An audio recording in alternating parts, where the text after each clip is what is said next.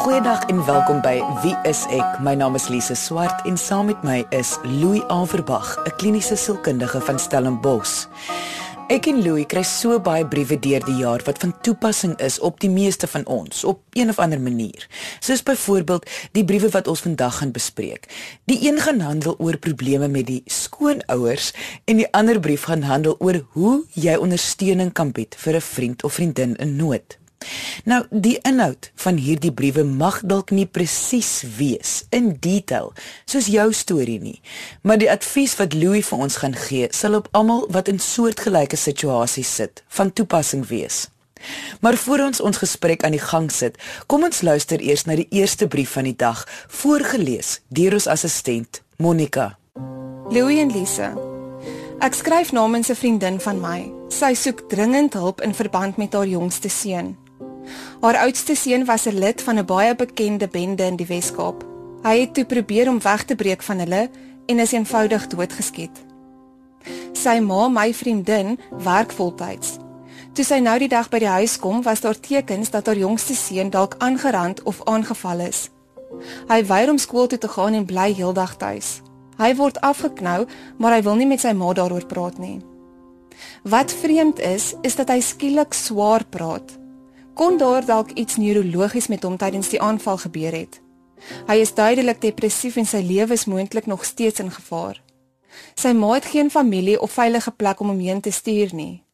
Wat kan ek doen om te help? Sy ma sal na julle program luister om 'n antwoord te kry. Moet asseblief net nie vir my kontak of my naam noem nie, want ek vermoed dat inligting op my rekenaar nie privaat is nie. Louis, kom ons bespreek net eers wat die ma te doen staan, want dit is nie 'n een eenvoudige probleem nie. Sy voel duidelik haar seun se lewe is in gevaar en sy het al klaar 'n ander kind verloor. Hierdie is 'n baie moeilike een. En jy's heeltemal reg. Hier moet mens baie versigtig wees wat jy sê en wat nie omdat hier 'n realiteit is. As ons aanvaar dat wat sy sê heeltemal korrek is en sy som die situasie min of meer korrek op, dan is sy in lewensgevaar en haar seun is in lewensgevaar. Dit is so. Ons weet dit is hoe dit werk. En selfs die persoon wat die brief geskryf het, impliseer dat hy of sy ook in lewensgevaar is. En ek dink nie dit is heeltemal 'n kwessie van paranoia nie, want as jy praat van groot bendes, is dit hoe dit werk. Ons weet dit, dit is die realiteit. Miskien vir mense wat hierna luister, sal dit verbasend wees dat ons nie onmiddellik sê maar hy gaan polisie toe, wat is jou probleem nie? Ons weet in realiteit in sekere areas in die wet Weskaap waar die bendes hoogtyd vier. Gaan dit nie help om polisie toe te gaan nie. Dit is ongelukkig so. Kom ons praat net eers maar hoe gaan sy die kind kry om net vir haar ten minste te vertel wat het gebeur? Is hy aangeraan? Dit is wat die hele situasie so moeilik maak. Ons dink nou maar uit die perspektief van die ma uit. En soos wat jy sê, is dit dalk nou 'n opsie hier om nou die kind aan die praat te kry. Want wie sê hy's regtig aangerand? As sy vermoed dit, wat gaan wat kan sy maak as hy nie met haar praat nie? Wat my bekommer is die feit dat die skrywer voel daar mag dalk neurologiese probleme wees en dat daar duidelik ook depressie tekens is.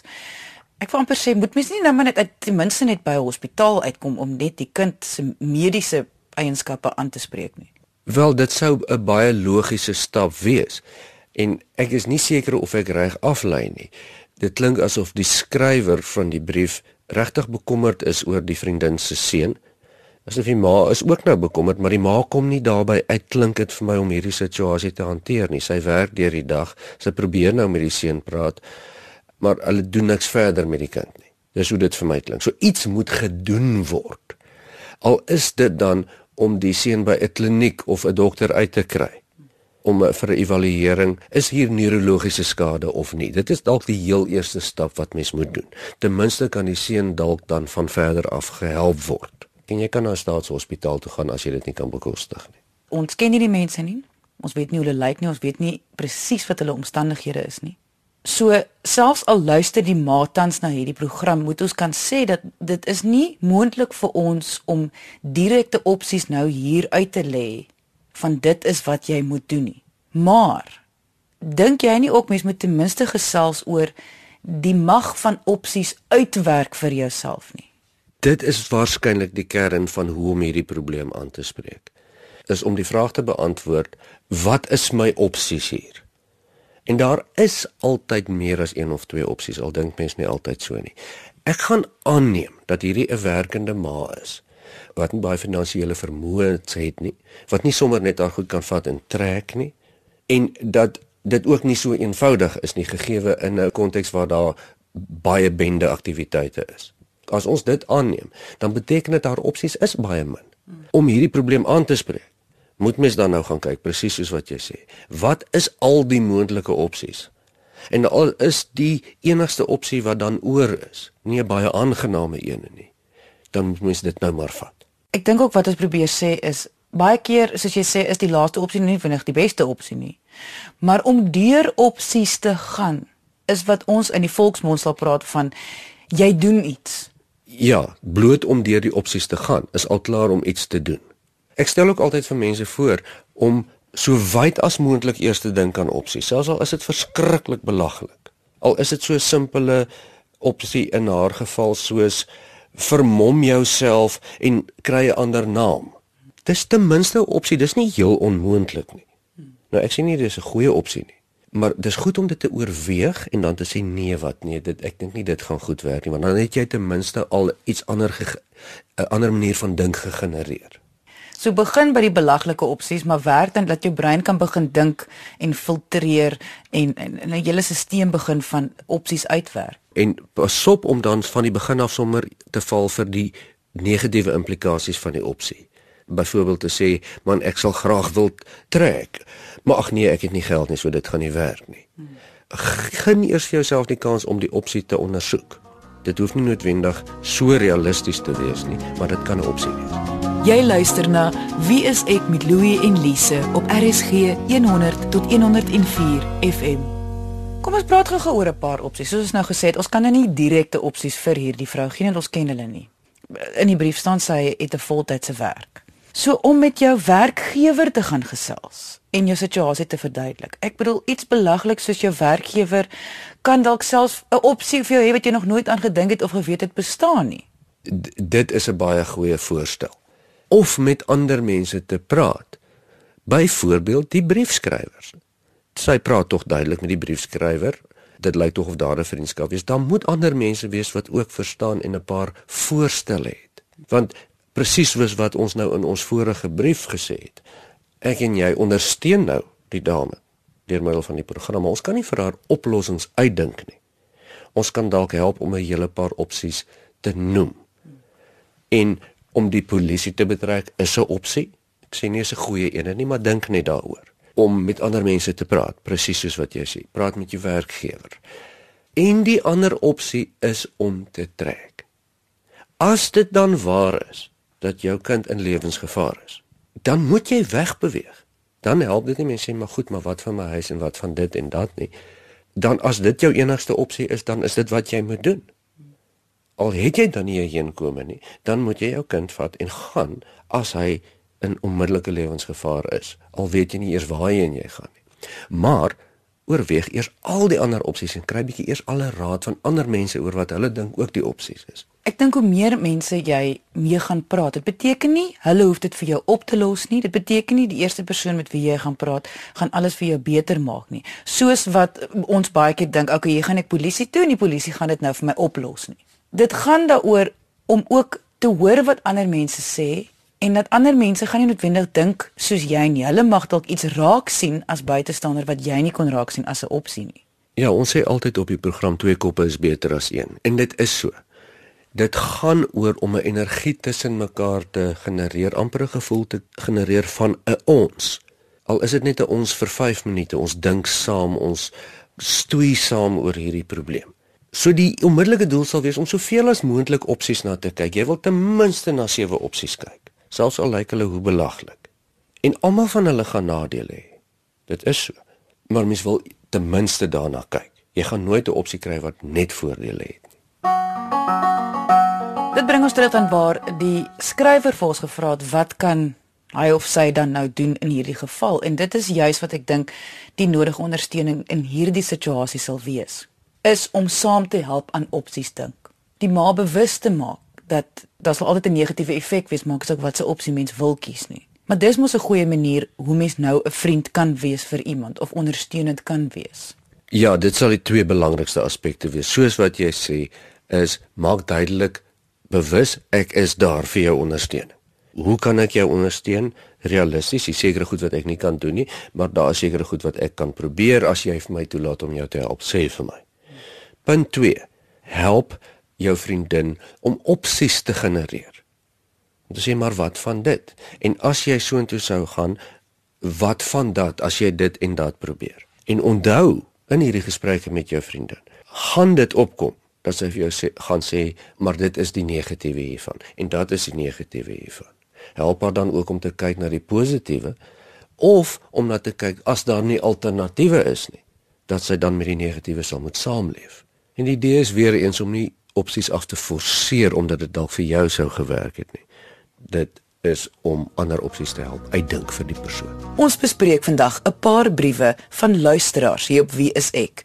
Voor die advertensiebreek het ons 'n baie komplekse situasie bespreek van 'n vrou wat wil weet hoe sy haar vriendin kan bystaan in 'n situasie wat letterlik lewe of dood beteken. Soos die meeste van ons weet, is dit soms moeilik om vriende by te staan wanneer hulle in nood is. So indien jy meer advies oor ondersteuning sou wou weet en nou eers ingeskakel het, kan jy aan die einde van vandag se episode na die pot gooi gaan luister op RSG se webwerf. Dit is rsg.co.za. Klik op pot gooi, soek wie is ek op die lysie wat verskaf word en luister na episode volgens die uitsaai datum of kort beskrywing. Kom ons beweeg aan na die volgende brief van die dag wat handel oor 'n algemene probleem van skoonouers. Die brief word voorgeles deur ons assistent, Monica. Goeiedag Louie en Lise. Ek en my verloofde trou in Februarie. My verloofde se familie sê en doen met my net soos hulle wil. Ek het nou begin opstaan vir myself en daarom met sy broer en suster my nou uit 'n lewens geskei. Sy ouers sal slegs met my praat wanneer ek vir hulle kruideniersware koop. Ek voel bitter seer gemaak. My verloofde kies die hele tyd sy familie se kant. Hy sê ek moet hulle aanvaar soos hulle is. Ek dring toe daarop aan dat ons 'n sielkundige gaan sien hieroor. Selfs die sielkundige het saamgestem dat hy vir my teen sy familie moet opstaan. Hy moet vir hulle sê dat as ek nie welkom is nie, dan gaan hy ook nie meer met hulle kommunikeer nie. Dit het ongelukkig toe nie gebeur nie. My verloofde is deur al die jare deur sy familie verneder. As volwassene het hy baie issues met homself en met hulle, maar hy sal dit nooit erken nie. Die sielkundige het uitgewys dat dit sy vegmeganisme is om net alles van sy familie te ignoreer, want dan hoef hy nie teen hulle op te staan nie. Ek probeer my bes om nou net myself te beskerm deur geleenthede waar sy familie gaan wees te vermy. Tot hulle nie vriendeliker is met my nie, weier ek ook dat ons enigsins finansiëel bydra tot die familie. Is my plan 'n goeie plan? Mag ek dit doen en sê? En meer belangrik, hoe gaan dit my verhouding met my man in die toekoms affekteer? Louis, kyk, ek weet skoonouers is vir baie mense 'n groot probleem. So wie moet dan eerste kom? amper soos die hoender of die eier vraag, maar moet die dogter of in hierdie geval die seun die situasie hanteer? Of is dit wel die skoonkind se plig om die probleem op te los? Nee, hierdie is die seun moet dit hanteer. Dit is sy verantwoordelikheid want dit is sy ouers met wie sy toekomstige vrou 'n probleem het. Nou daarmee sê ek nie die ouers is verkeerd of reg of die of of sy nie, maar dit kom op hom neer. So sy werk is om te verstaan eerstens wat presies is haar probleem hierso. En tweedens, hoe kan ons hierdie ding oplos? So hy moet die verantwoordelikheid hierson neem. Indien jy wil hê ek en Louie moet jou brief, storie of vraag hier op Wie is ek bespreek, kan jy ons kontak deur ons webwerf wieisek.co.za of gaan na ons Facebookblad onder Wie is ek met Louie en Lise. Onthou alle briewe wat bespreek word sal anoniem bly. As jou man of vrou nie betrokke wil raak by die situasie nie, want hulle wil nie hul ouers ontstel nie, dan druk jy hulle maar 'n blik of anders gaan jy die vrugte pluk daarvan vir die res van jou huwelik. Dit is nie 'n onalgemene ding nie. Dit gebeur baie dat mense kom bymekaar, hulle vorm 'n nuwe egpaar En die man se oor die weg kom met sy ouers byvoorbeeld. Is nie dieselfde as die vrou se oor die weg kom wat vir hom aanvaarbaar is, is nie vir haar aanvaarbaar nie ensovoorts ensovoorts, nê. Nee. En dit is deel van die onderhandelings en die verstaanproses wanneer mense wil trou. Hier's vir my net een probleem en dit is nie die skoonouers nie. Dit is dat hierdie twee nie lekker plan gemaak kry met hoe gaan ons dit hanteer nie. Hmm. As ek haar reg verstaan en sy is reg dat hy dit dan nou net so afmaak want hy wil nie regtig iemand afronteer nie, uh, dan is dit 'n probleem wat nie gaan weggaan nie. En mens kan dit ook verstaan nie dat hy wil nie graag in hierdie konflik vasgevang word nie. Maar mens wil amper sê dit jureus as hy met haar wil trou gaan hy die konflik moet oplos. Moet die konflik oplos en die antwoord lê nie in of my vrou of my of my ouers nie. Dit is die laaste opsie. Dis ook nie nodig dat mense in sulke blikke gedruk moet word nie. Dit gaan oor hoe kan ons 'n oplossing kry wat vir ons almal kan werk, maar die huwelik beskerm. Dis baie interessante ding wat jy nou sê, want kom ons sê hy besluit nou wragtig hy gaan nou niks omtrent dit doen nie. Sy besluit sy gaan nog steeds dan met hom trou. Het sy dan die reg soos wat sy gevra het om die skoonfamilie dan af te skryf? Nee, sy het nie. Kyk, sy het die volste reg om vir hom te sê of van hom te verwag en te sê luister, ons kan nie voortgaan met hierdie troue voordat hierdie situasie nie uitgesorteer is nie en dit sou ek voorgestel het baie sterk dat sy nie voortgaan hiermee nie. daarmee sê sy nie dit is hulle skuld nie, want sy moet ook deel wees van hierdie oplossing, né? Ja. Maar dit sou baie baie gevaarlik wees om hierdie in hierdie huwelik aan te gaan as hierdie situasie nie uitgesorteer is nie. As sy daarna dan wil dit verwag, dan is sy 'n probleem. Maar tog baie keer is mense bang om hulle lewensmaat ek moet nou sê sê nie forceer om iets te doen nie want hulle is bang in die toekoms gaan die lewensmaat hulle blameer dat hulle verhouding met hulle familie nie meer goed is nie. Ja, en met goeie rede. Jy kan tog nie iemand forceer nie, maar jy kan vir iemand opsies gee. En sy het 'n paar opsies hier. Een opsie is hulle gaan maar so aan hulle trou en hulle veg voort na die na die troue en dit gaan waarskynlik lewenslank so aangaan. Die een opsie is dat sy hom vir 'n ultimatum stel. En vir hom sê of ons sorteer dit uit of ek trou nie met jou nie. Ek sou dit nogal voorstel in die geval. Daar's baie ander opsies. Dit hang af van persoon tot persoon, maar die punt hierso is dat daar 'n sekere kontrak wat sy nie bereid is om in te gaan nie. En ek dink nie hierdie huwelik kan gebeur voordat hulle nie saamstem oor die kontrak nie. So jou fokus lê absoluut op die oomblik daarop dat wanneer jy 'n kontrak teken vir 'n huwelik is as skoonfamilie 'n probleem is, wys dit al klaar jy het 'n probleem met die kontrak en daai kontrak moet aangespreek word. Verseker, probleme met skoonouers is niks meer of minder intens as probleme of verskille oor hoe gaan ons kinders grootmaak nie geloofsverskille of ooreenkomste oor wat presies hoe werk die reëls van ons verhouding nie. Dis maar alles deel van dieselfde kontrak. En dit verander nie. As mens trou word dit nie beter nie. Dit is 'n lekker resep vir konstante konflik en 'n egskeiding in die toekoms as hierdie ding nie uitgesorteer word nie. Ja, want so met ander woorde wat jy sê is as hulle nie nou al hierdie probleem kan oplos nie, gaan hulle met toekomstige probleme dalk net soveel sukkel of koppe stamp. Daar's hy. So die, ek wil dit herhaal, die kern van hierdie probleem is die feit dat hulle twee nie saamwerk in 'n span nie. Ek dink ook sy moet ook in ag neem hoe sy gaan voel in die toekoms.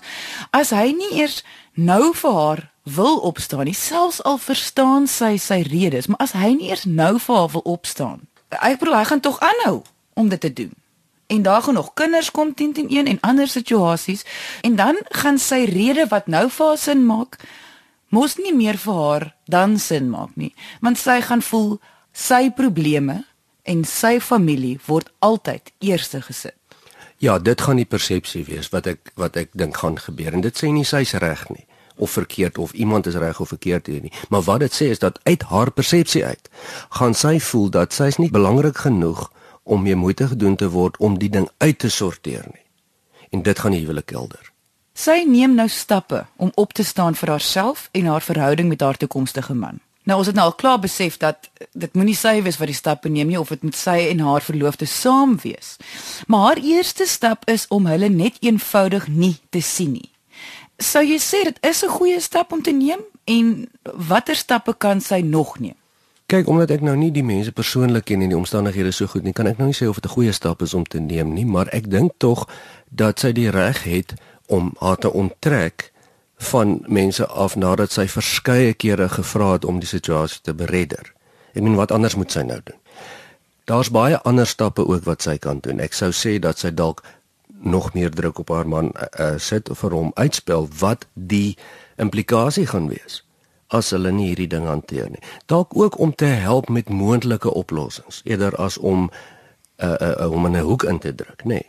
Wat baie duidelik nodig is hierso is dat sy en haar man 'n plan het waarop hulle saamstem oor hoe gaan ons dit hanteer. As ons dan saamstem ons help die familie finansiëel dan doen ons dit. Dis dis nie 'n probleem nie. Maar dit is my duidelik dat sy en hy nie ooreenkom nie. Sy is nie gelukkig met die situasie nie en hy handhaaf dit maar soos dit is. En seker sekerlik het sy die volste reg om nie daarmee gelukkig te wees nie. So kom ons som net op wat ons vandag hier sê. Ek sou voorstel dat die man en die dame wat aan hom verloof is wat die brief geskryf is, hulle self afsonder en met mekaar tot 'n vergelyk kom. As hulle dit nie kan doen nie, dat hulle dit laat fasiliteer deur iemand anders. Om te sê as ons hier klaar gepraat het, moet ons presies ooreenkom wat is vir ons aanvaarbaar of nie van skoonouers. En al vat dit vir jou 'n week of 'n maand om dit uit te stry en te onderhandel, dan doen jy dit. Want dit is nog steeds baie baie korter as jare se striweling in 'n in 'n huwelik. Soveel sodat al twee moet uit daai onderhandeling kan stap en hulle moet albei kan sê ek kan hiermee saamleef. En dan moet hulle dit saam implementeer. Want anders kan hulle nie trou nie. Of as hulle trou moet hulle weet hulle huwelik gaan onder geweldig druk wees. En deel van daai stappe kan wees om met die skoonouers te praat of met jou ouers self te praat en dit alles uit te sorteer. Ja, wat die plan is kan ek nie sê nie, maar dat daar 'n plan moet wees is baie duidelik. Indien jy enige vrae het oor vandag se onderwerpe of jou vraag nou met jouself of iemand na aan jou te doen het, kan jy ons kontak deur ons webwerf. Dit is wieisek.co.za of deur ons Facebookblad onder wieisek met Louie en Lise.